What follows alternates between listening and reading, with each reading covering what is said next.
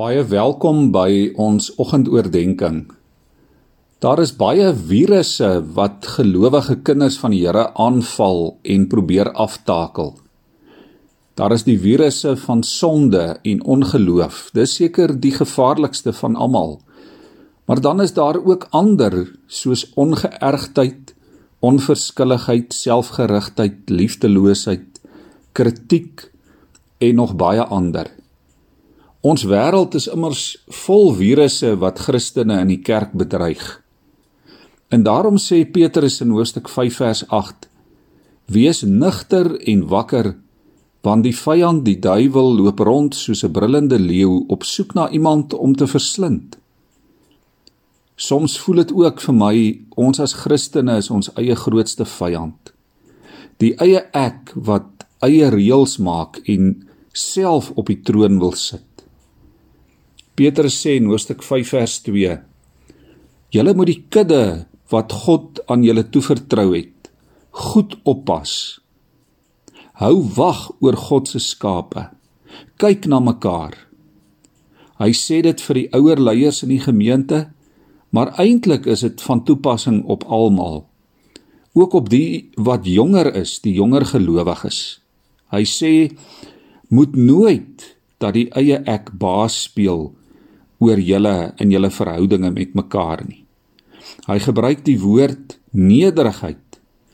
Wees nederig teenoor mekaar, help mekaar. Hy sê God gee aan die nederiges genade.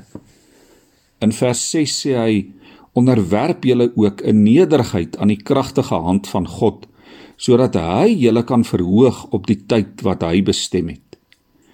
Liewe vriende, die heel beste teenmiddel wanneer die virusse van die lewe ons aanval in ons verhouding met God en met mekaar is nederigheid. Nederigheid teenoor mekaar en absolute afhanklikheid van God. God is 'n God van orde, 'n God van harmonie en deur nederigheid en afhanklikheid sorg God vir goeie orde, vir eenheid in sy kerk en in die gemeente. Ek vermoed die meeste wat ver oggend na hierdie boodskap luister is immers iewers deel van 'n gemeente, deel van die kerk van Christus op 'n direkte of indirekte wyse. As jy dalk besluit het om nie meer by 'n gemeente in te skakel of betrokke te raak nie en jy is 'n gelowige, kind van die Here, dan is jy nog steeds deel van die liggaam van die kerk van Christus hier op aarde. En ek wonder of ons altyd besef wat 'n ongelooflike voorreg dit is. Dis verseker nie reg nie. Ons verdien dit op geen enkele manier nie.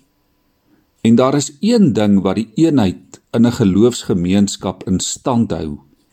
En dit is nederigheid teenoor mekaar en afhanklikheid voor die Here.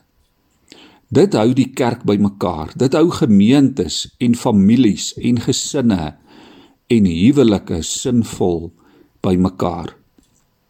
En ons moet ons daarvoor beywer. Want die duiwel sê Petrus wil dit by ons probeer steel. Petrus sluit hierdie eerste brief van hom af met 'n bemoediging. Hy sê Christene moenie bang wees nie. Moenie moedeloos word nie, moenie bekommerd raak nie. Moenie toelaat dat omstandighede julle ontseën nie of van koers afdruk nie. Hou vol vertroue vas aan die hoop wat in julle lewe. Moenie toegee aan die druk van die lewe nie. Dien die Here, pas mekaar goed op en onthou dis 'n ongelooflike wonderlike voorreg. Die enigste ware teenmiddel teen die aanslag van die duiwel is die liefde van Christus. Kom ons bid vanmôre saam. Here, vou ons vandag toe in u ewige liefde. Maak ons meer en meer, Here, daarvan afhanklik. Laat ons daaruit lewe. Maak ons nederig voor u en teenoor mekaar. Amen.